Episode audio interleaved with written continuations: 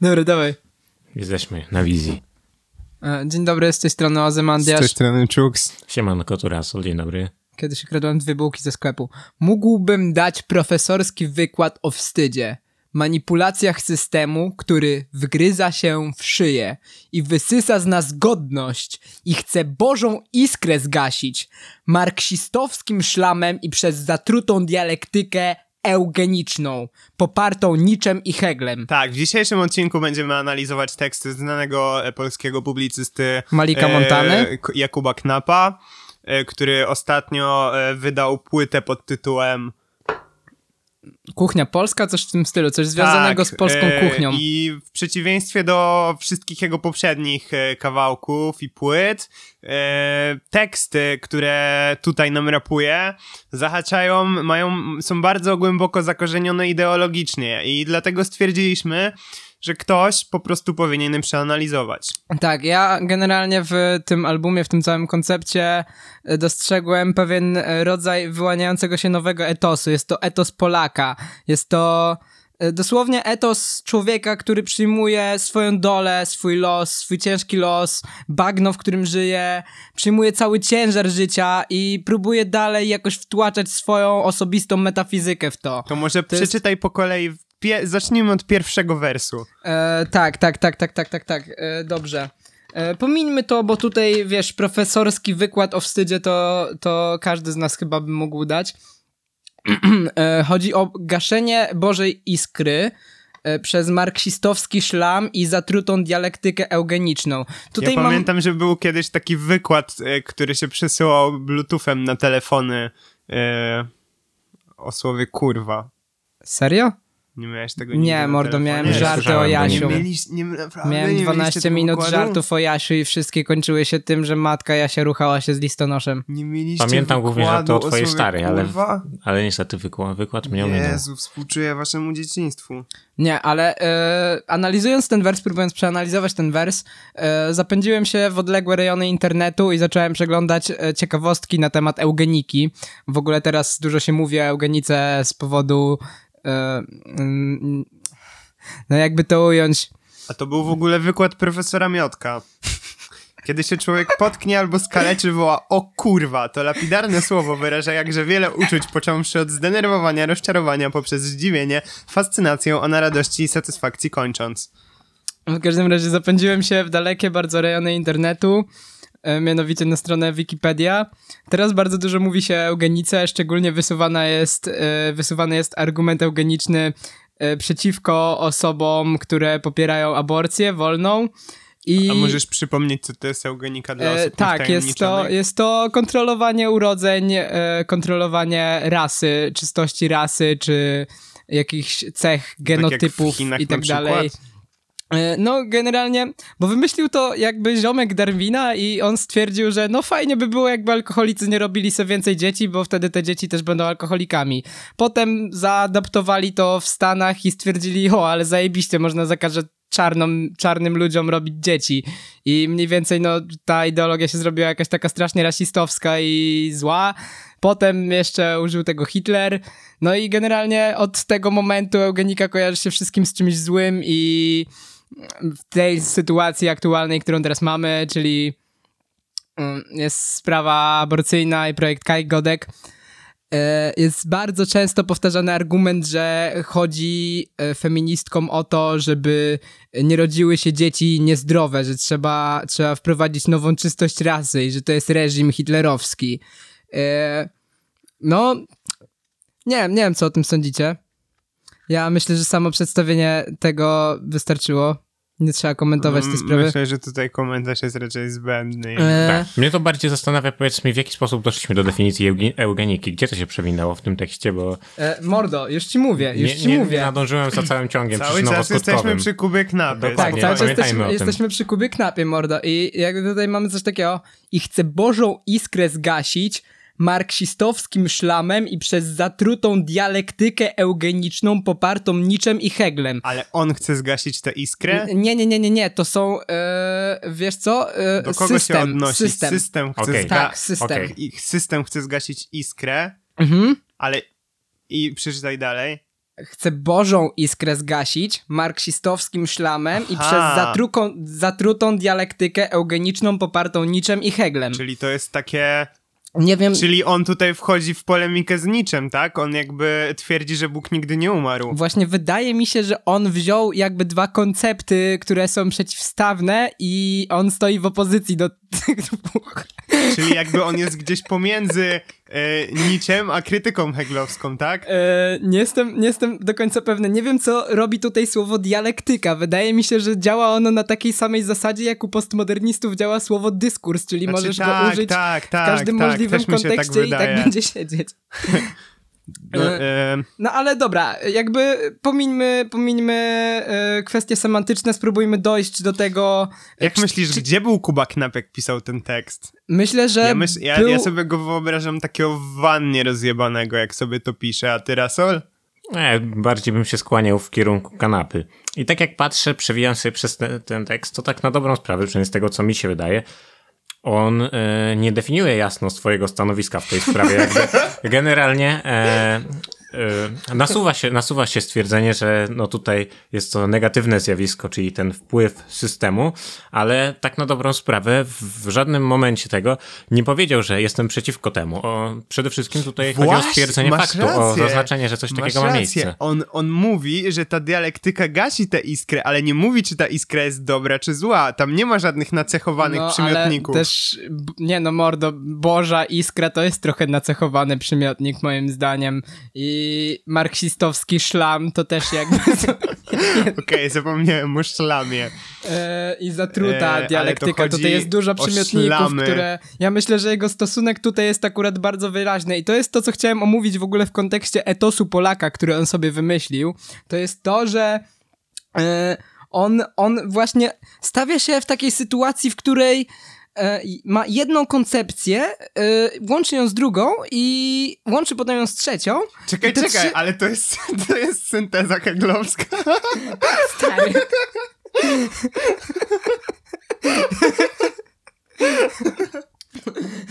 Nieważne. Ważne jest to, że e, e, widać, że przeczytał trochę filozofii, przeczytał jakby przeczytał jakiś pewnie podręcznik filozofię dla bystrzaków albo coś w tym stylu, albo Może może, wysłuchał jakiegoś wykładu, tak?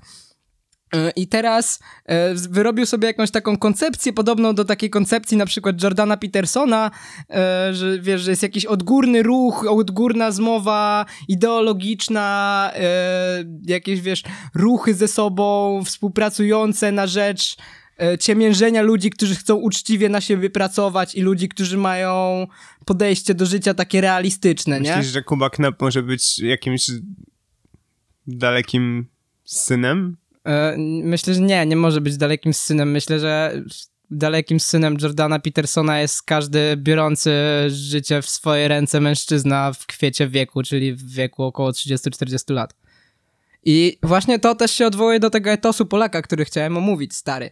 Bo to jest, to jest dla mnie kurwa fascynujące, nie? Że jakby w pewnym momencie swojego życia dochodzisz do tego, że żeby nie przytłoczyło cię rzeczywistość, żeby nie przytłoczyło cię to, jak chujowe jest życie i w jak wielkim bagnie żyjesz, musisz powiedzieć sobie, ja stawiam sobie takie wyraźne zasady, uważam, że wszyscy dookoła chcą mnie dojechać i ja przeciwstawiam się temu. Musisz, wiesz, silną ręką, silną ręką. Chyba, że wcześniej obejrzysz Bojacka Horsemana. Jak idziesz do kobiet, nie zapomnij bicza.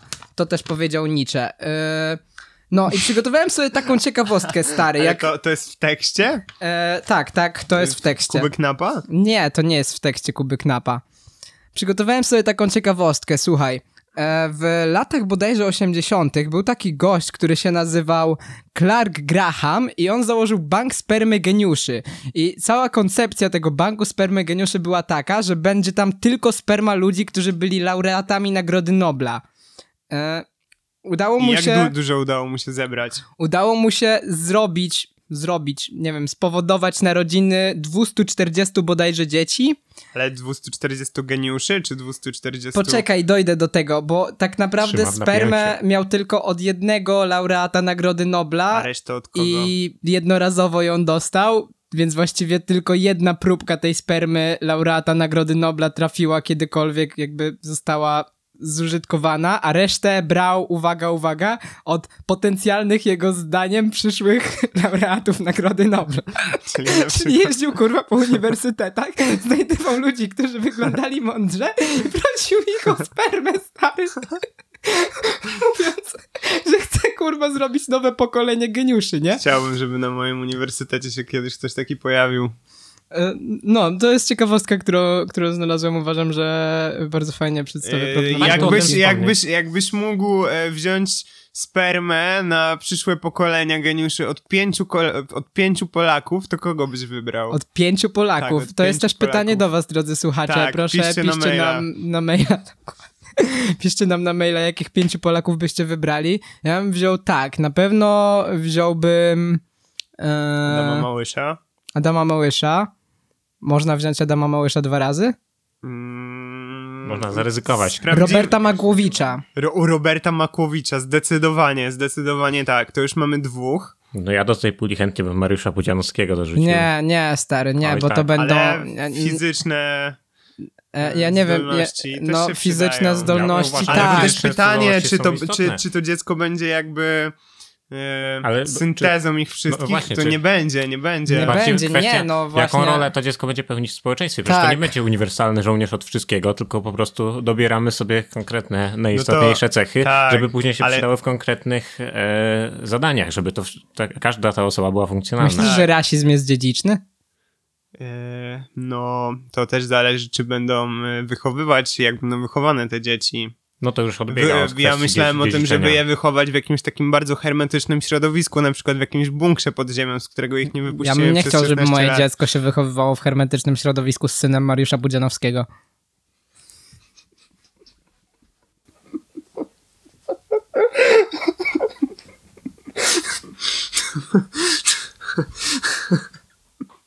Nie możesz, no dobra, stop.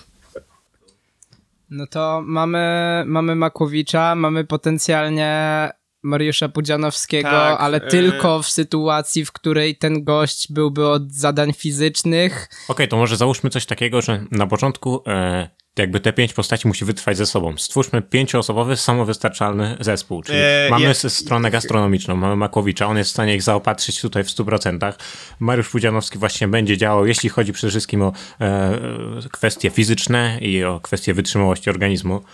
No Adam dalej? Małysz Tak, to Adam Małysz Adam Małysz przyspiesza postęp warto. Adam Małysz technologiczny, uni- bo nie musisz samolotów już. E, Ja bym do tego chciał dorzucić e, funkcję rozrywkowo-artystyczną, dlatego bardzo bym chciał, żeby też znalazło się tam dziecko słonia. Okej, to prawda. Myślę, że jakby w społeczeństwie cały czas jest zapotrzebowanie na kulturę, zapotrzebowanie na sztukę i nie możemy zignorować tego nawet w tym przypadku.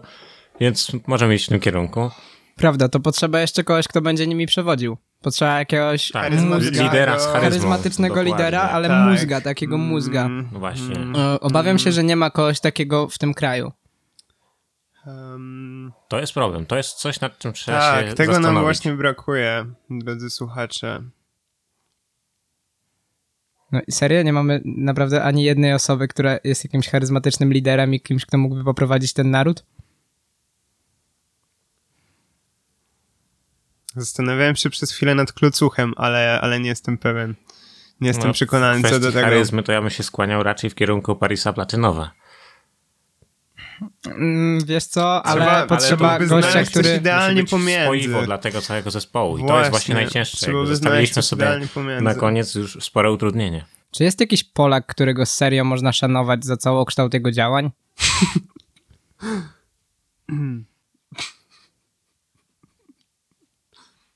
Szukaj w Google lista Polaków świata. Dobrze, mm, w takim razie sprawdź Kamilu i po prostu wybierzemy spośród tych postaci, którąś, razie- która będzie nam najbardziej pasowała. Myślę, że mamy wolny wakat w zespole. Szukamy chętnych. Tak, czekamy na zgłoszenia. Proszę, proszę wysyłać listę wraz ze zdjęciem, yy, Doświadczeniem wynikami. zawodowym CV. Tak, maturą i przynajmniej jednym kawałkiem rapowym. Mm, tak, już, już, już szukam. Mój drogi, no Jan Paweł II jest ewidentnym wyborem. To jest mocna postać. Do niego nie mogę się przyczepić. Tak, tutaj rzeczywiście ciężko znaleźć jakieś, jakieś zastrzeżenia. No, Ciężko, bym- naprawdę. ja to bym- taki, ja bym miał- taki cz- człowiek bez skazy trochę. Bez nawet najmniejszej ryski na wizerunku.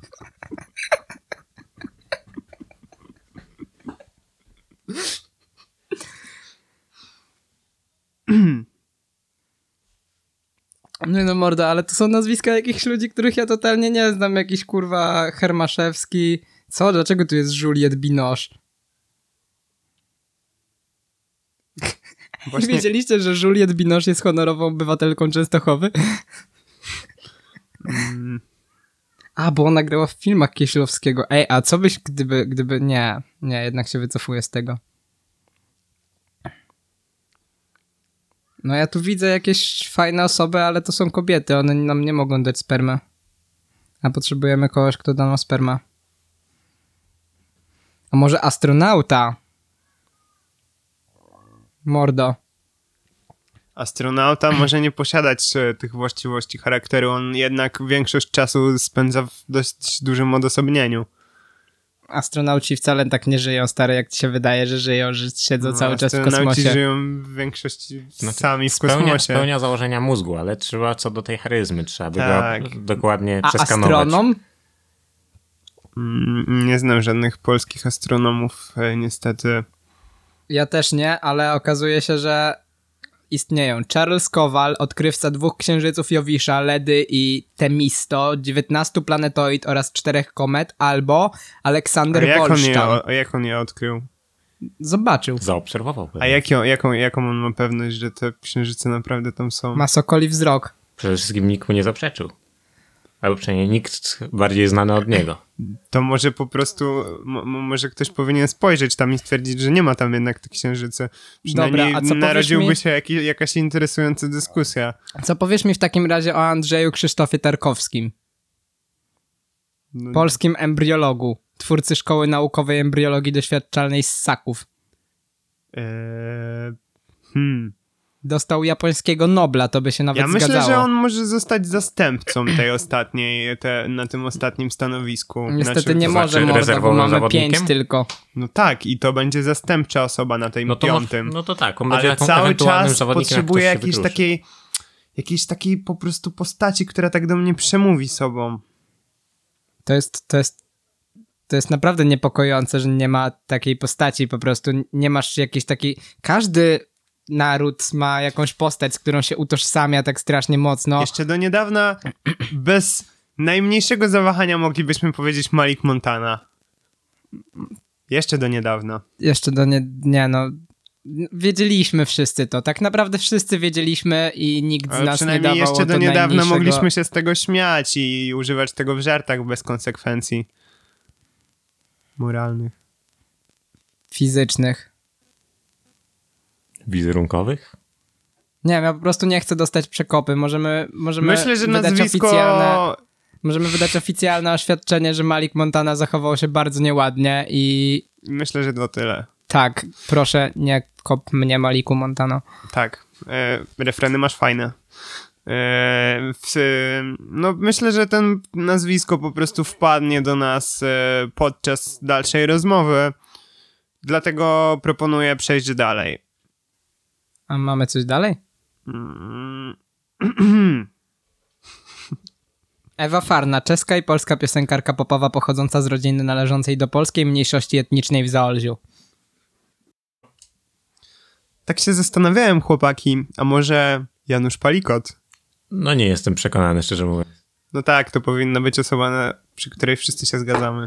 E, No, ja byłbym jednak za Januszem Polikotem, poza tym, że on napisał magisterkę chyba o kancie, jak nie doktorat. W każdym razie to było coś o etyce i imperatywie kategorycznym, który No polityk napisał magisterkę, który polityk w ogóle umie pisać. takie gombrowiczowskie akcje w tym Sejmie, że jakby ja się troszkę skłaniam w jego stronę. To poza tym jakiś czas temu czytałem o tym, że Janusz Palikot ma taki pomysł biznesowy, postawi domy, w których z kranu będzie płynąć piwo. Okej, tutaj, tutaj zaczyna być przekonujący. To ja myślę, że to, to już jest taki argument decydujący. Masz coś jeszcze? No, no ma w planach wybudować cztery domki, w których dosłownie będzie płynąć piwo z kranu, no bo on ma ten swój browar własny, nie? No myślę, że na ten moment nie mamy lepszego kandydata. No gość A więc twierdzi, oficjalnie że takie same domy są w Norwegii, W więc ma naszej- całkiem niezły pomysł. w naszym, e, w naszym składzie nowej, młodej, przyszłościowej Polski znajdują się e, potomkowie Adama Małysza, Roberta Makłowicza, Tak jest. Mariusza Pudzianowskiego, Mariusza Pudzianowskiego. potencjalnie tylko jeżeli będzie wykonywał funkcje związane z aktywnością fizyczną i nie będzie gnębił słabszych. Słonia Owszem, oraz Janusza Palikota. owszem. Brawa dla nas. Dziękujemy.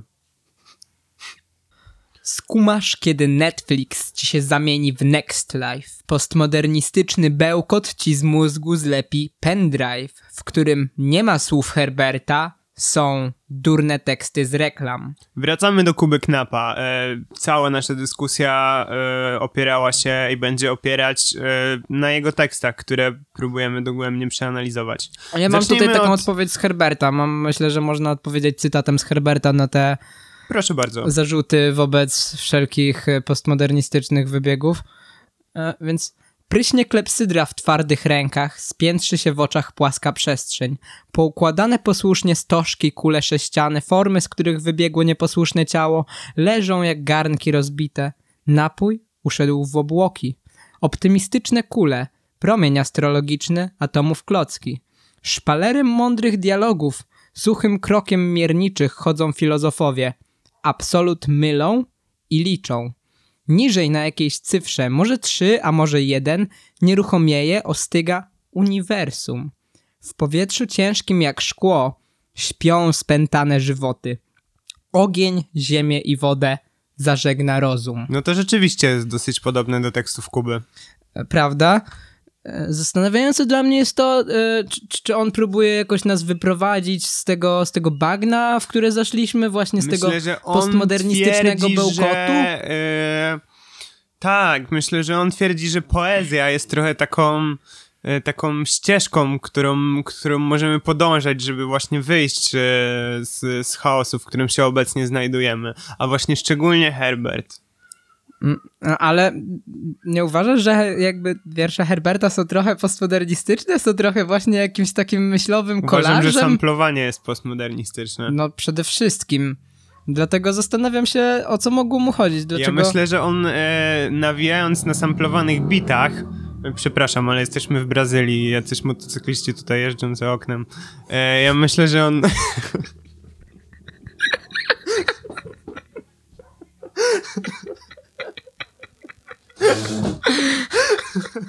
Możemy to zrobić jeszcze raz. Ale co to można uciąć tak, żeby działało? Ja myślę, że on używając bitów e, samplowanych, w których e, no bądź co bądź kradnie kawałki innych utworów i miesza je e, z własną twórczością, co już jest e, bardzo nacechowane takim typowym postmodernistycznym pojęciem o sztuce.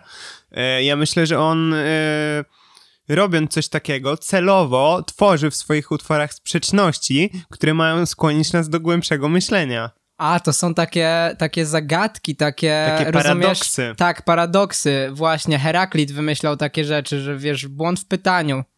Heraklit umarł, bo się zakopał pod ziemią. E, Zakopał się w gównie, jeżeli mamy być dokładni co do tego. Zakopał się w gównie po szyję, bo wówczas medycyna, oficjalne stanowisko medycyny było takie, że jeżeli masz wapory, to kiedy zakopiesz się w gównie po szyję, to ci przejdzie. Tak, a teraz oficjalnie stanowisko jest takie, że jeżeli masz wapera, to jest też zakopany w głównie po szyi.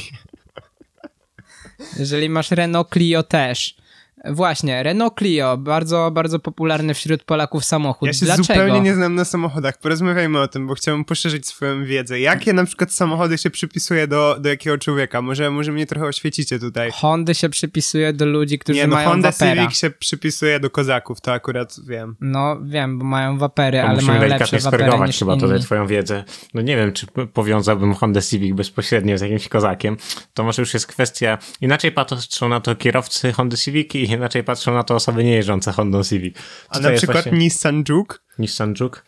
No, tutaj akurat ciekawie trafiłeś, bo w środowisku motoryzacyjnym Nissan Juke jest wręcz memem i to jest auto, którego kupować się nie powinno. Ze względu na swój przekomiczny wygląd, y, nie, y, zupełnie zerową praktyczność I jedyny sens istnienia tego auta to jest właśnie po to, żeby czasem się pośmiać z takiego skurczonego suwa. A czy myślicie, że Multipla jest najbardziej postmodernistycznym samochodem?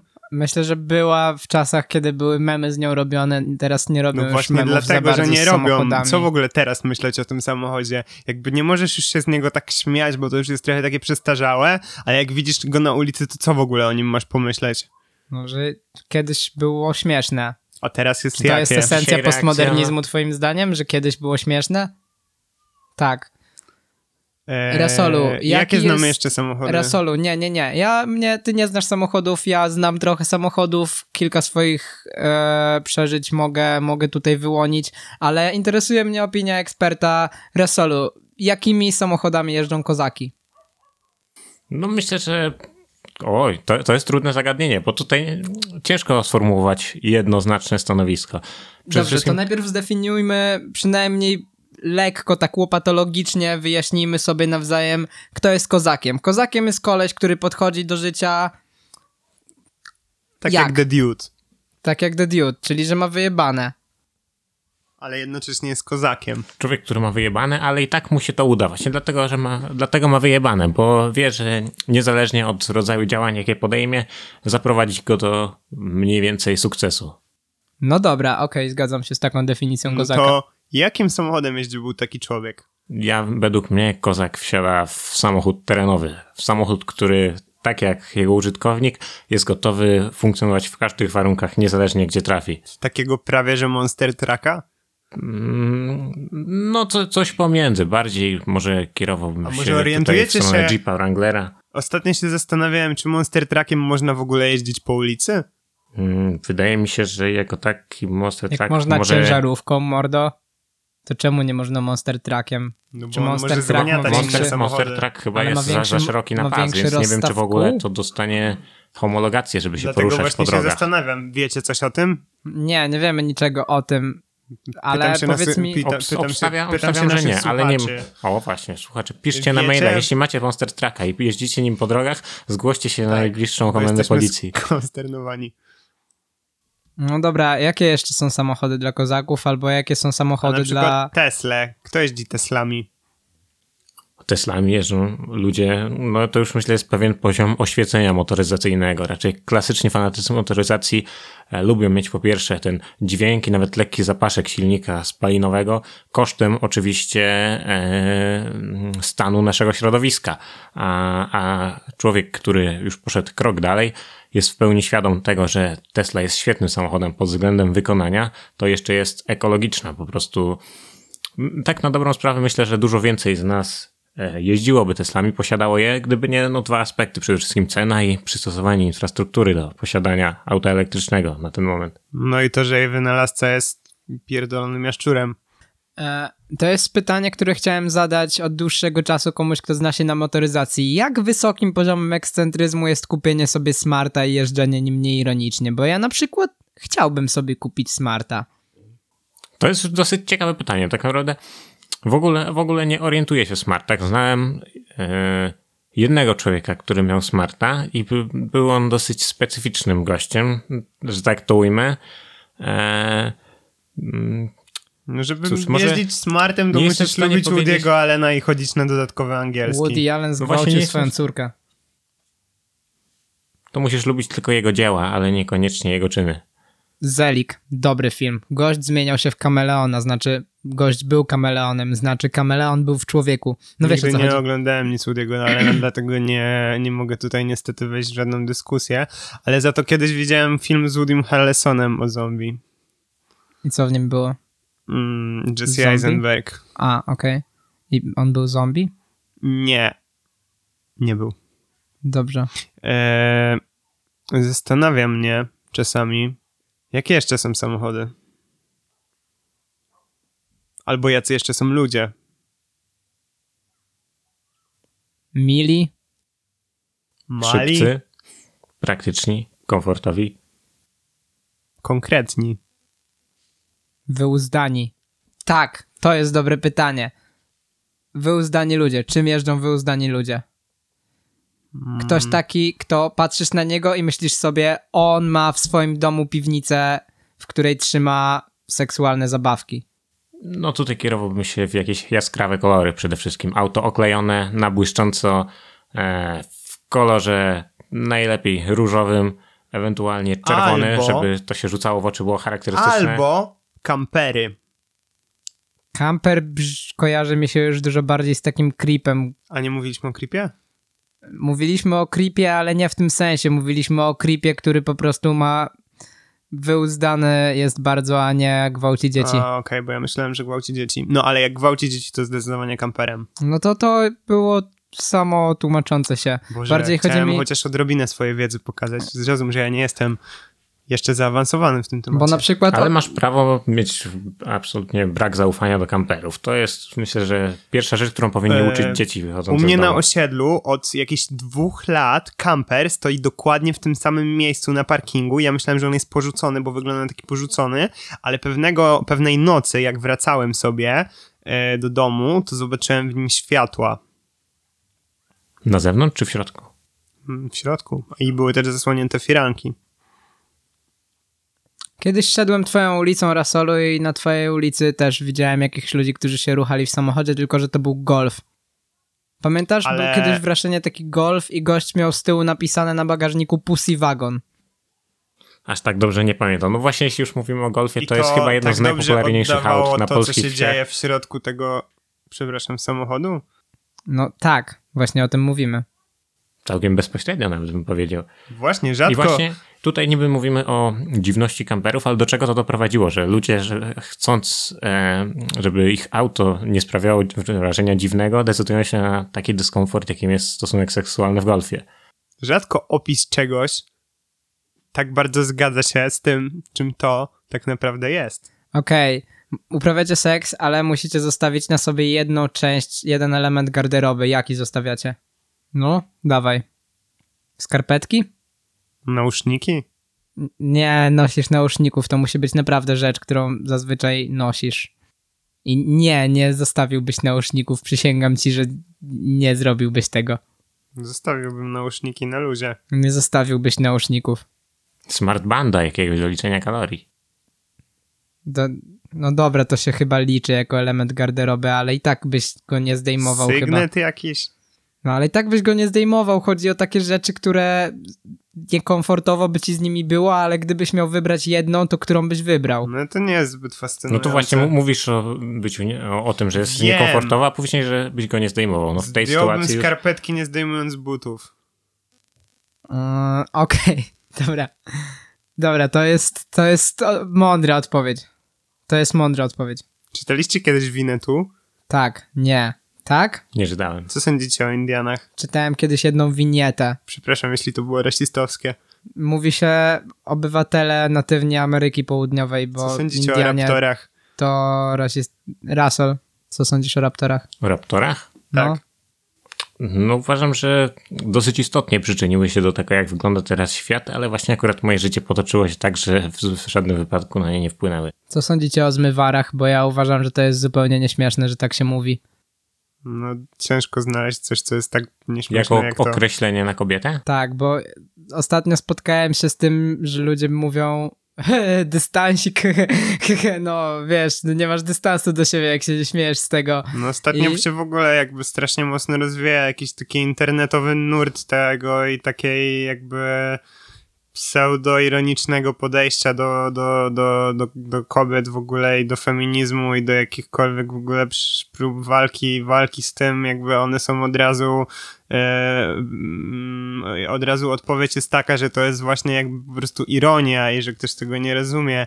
Takie coś się strasznie ciężko zwalcza i to już No, jest jak problem, masz który rozmawiać z kimś, mamy... kto ci mówi, nie masz dystansu, mordo, nie właśnie. możesz Nie, generalnie ze mną rozmawiać, bo nie masz dystansu. tego typu żartami jest ten problem. Według mnie każdy żart jest zabawny i każdy żart ma rację bytu, ale tylko w pewnym kontekście i dopóki nie jest on tryhardem. Ja sądzę, A że jeśli ludzie którzy- używają żartów na zasadzie, że to ma być ich argument w dyskusji, no to wtedy jest nieużyteczny. No. Ale, ale każdy żart ma swoje miejsce na świecie, tylko po prostu ono e, jest bardzo, czasami to jest bardzo niewielka przestrzeń, gdzie można się wpasować ze swoim humorem. No ja myślę, że żarty są spoko, dopóki aktywnie nie wpływają na... E, no, kształtowanie się krzywdzącego światopoglądu. Ja Dokładnie. uważam, że jeżeli bawi cię słowo zmywara, czy bawi cię obrażanie kobiet dla samego obrażania kobiet, to powinieneś pojechać sobie na przykład na Bronx, powiedzieć słowo, Russell, proszę powiedz to słowo, Nie, no już wiem o jakim sobie mówimy. Nie, i nie, nie wtedy wiem. spróbować się pośmiać z tymi ludźmi, bo wydaje mi się, że wtedy może jakoś bardziej dotrze do ciebie, że to nie jest śmieszne. Wszyscy wiemy, że to jest motyw z niekrytego krytyka. Serio. No, A on miał coś takiego w swojej książce. Tak, ty, w tym momencie chciałem podziękować niekrytemu krytykowi za to, że napisał swoją książkę. Szczerze powiedziawszy, uważam, że niekryty prawdopodobnie... Wymyślił połowę polskiego Ej, YouTube'a. stary, zaprosimy tu niekrytego krytyka? A myślisz, że on przyjmie zaproszenie od nas? No myślę, że tak, czemu nie? No a może on teraz siedzi na Piszcie górze do Forsy. niekrytego krytyka, żeby przyjął zaproszenie do nas, jeśli chcecie, żeby to się wydarzyło. A orientujecie się, czym on się zajmuje teraz? Bo ja nie śledziłem. Mm, Siedzi agroturystyką? Okej. To, to, to akurat obydwa to moje hobby. No, dlatego będziemy mieli wreszcie o czym porozmawiać. Ja myślę, że mm, tak, myślę, że on by się mógł wypowiedzieć na jakieś ciekawe tematy. Szlachta nie pracuje, szlachta tyra za trzech. I to jest kolejny wers kubek napa, który chcielibyśmy omówić. Czy uważasz, że praca uszlachetnia? Czy kiedyś zostałeś Eee. uszlachetniony przez pracę? Ja chciałbym odpowiedzieć wersem Dejsa. Największe pierdolenie o tej waszej ciężkiej pracy. Masz się urodzić jakiś. Praca? Nic nie będzie z marnych. Okej, To jest druga strona medalu. Druga skrajna opinia. okej.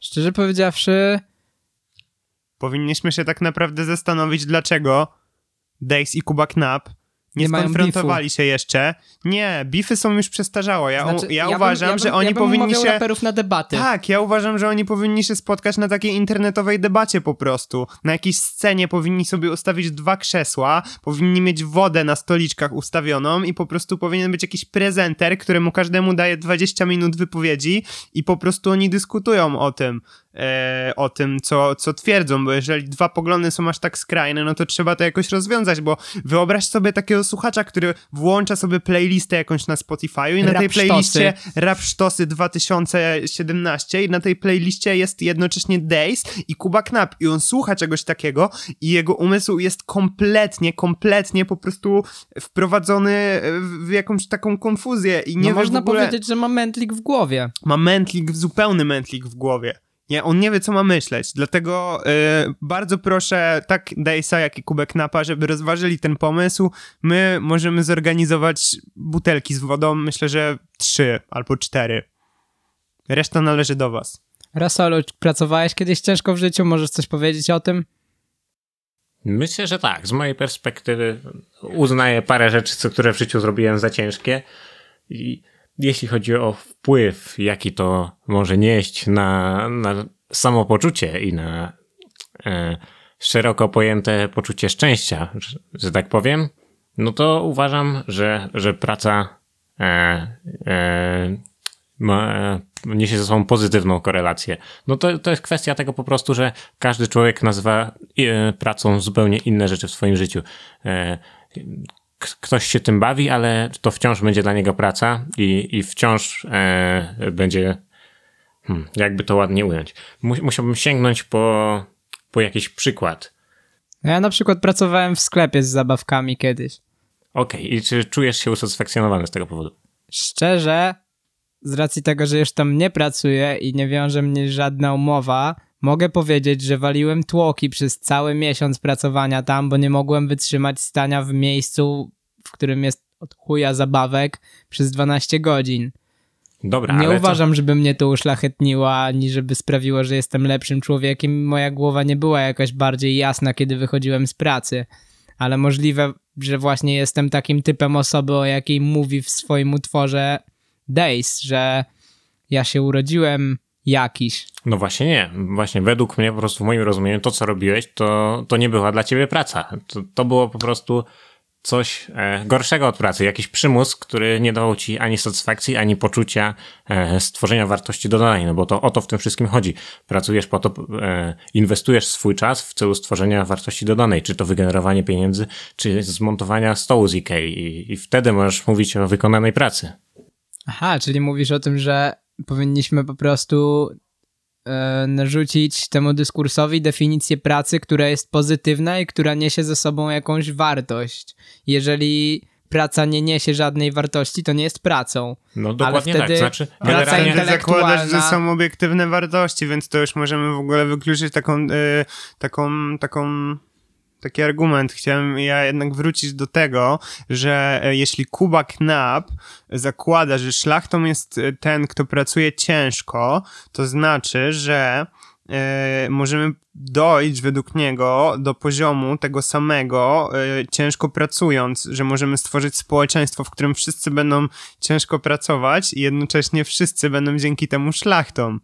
Co implikuje nam no, społeczeństwo implikuje- komunistyczne. Tak, jest to społeczeństwo komunistyczne, jest to dyktatura proletariatu, mój drogi. Ale to- Bardzo ciekawy paradoks zauważyłeś, bardzo Bo ciekawy wy, paradoks. wy zdecydowanie nadinterpretujecie po prostu słowo szlachta, którego on użył. Dla niego szlachta to nie jest, e, on nie definiuje tego jako istnienie jakiejś konkretnej klasy społecznej, tylko szlachta jako e, sposób odznaczenia każdego człowieka, Tak, ale każdy człowiek ma tak. możliwość zostania odznaczonym. więc Oczywiście, nie widzę, że tak. To, to on w ogóle wyklucza istnienie jakichś klas. To nie chodzi o klasy, to chodzi, że po prostu twoja praca ma wartość, No, no według dokładnie. mnie. A jeżeli praca ma wartość i każdy może być dzięki niej taki sam na tej samym poziomie wartości, no to dochodzimy z powrotem do ideologii komunistycznej, gdzie z powrotem Kuba Knap pokazuje nam, jak genialnie potrafi się posługiwać językiem i w jakie gry językowe potrafi nas wprowadzić, bo doprowadził nas do kolejnego, Paradoksu. tak, No nie powiem, nie widzę tutaj ani bezpośredniego, ani nawet takiego e, płynnego nawiązania do ideologii komunistycznej. To jest po prostu kwestia e, oceny człowieka poprzez pracę, jaką wykonał. Mi się wydaje, że zamknęliśmy się trochę w takim hermeneutycznym kole, ale to tak samo... Hermeneutyczne zawsze mi się kojarzyło z takimi, to słowo, z takimi nurkami podwodnymi w takich wielkich, okrągłych yy, yy, kombinezonach, skafandrach, no mi też. Ale potem się dowiedziałem, że znaczy co innego. Ja się nie będę wyprowadzał z tego błędu. Hermeneutyka i w ogóle mylenie się i jakieś takie konfuzje w dyskursie lingwistycznym to jest rzecz, która bardzo cechuje dzisiejszą dyskusję publiczną, szczególnie w temacie aborcji, ale też w bardzo wielu innych wypadkach, bo jeżeli operujemy słowami, które są bardzo mocno nacechowane emocjonalnie i nasza definicja tych słów może być bardzo osobista, to ludzie mogą mówić do siebie te same słowa i dalej się nie rozumieć. Mogą dalej sobie mówić, że na przykład chodzi o ratowanie ludzkiego życia albo chodzi o docenianie jakichś wartości, a wcale im nie chodzi o to samo. No dokładnie, zgadzam się w 100% z tym, co mówisz. Jakby po to właśnie istnieje dyskusja, nie? My, jest, my teraz siedzimy sobie w takim kółeczku i we trzech siedzimy nad takim zbiornikiem wodnym, każdy z wędką, w, nad zbiornikiem nadinterpretacji pewnych słów i po prostu wyciągamy sobie każdy, każdy co akurat mu się nawinie, każdy coś złapie, wyciąga i przedstawia to e, ogółowi, a reszta decyduje, dokonuje oceny, a może samemu próbuje e, zinterpretować e, to, co usłyszał e, i dopasować, e, czy, czy ten odczyt z tych słów jest faktycznie, e, jest faktycznie taki, jaki, e, o jakim myśli druga osoba. Ja mam tylko taką nadzieję, że żaden z naszych słuchaczy nie uważa, że łapiemy same płaszczki.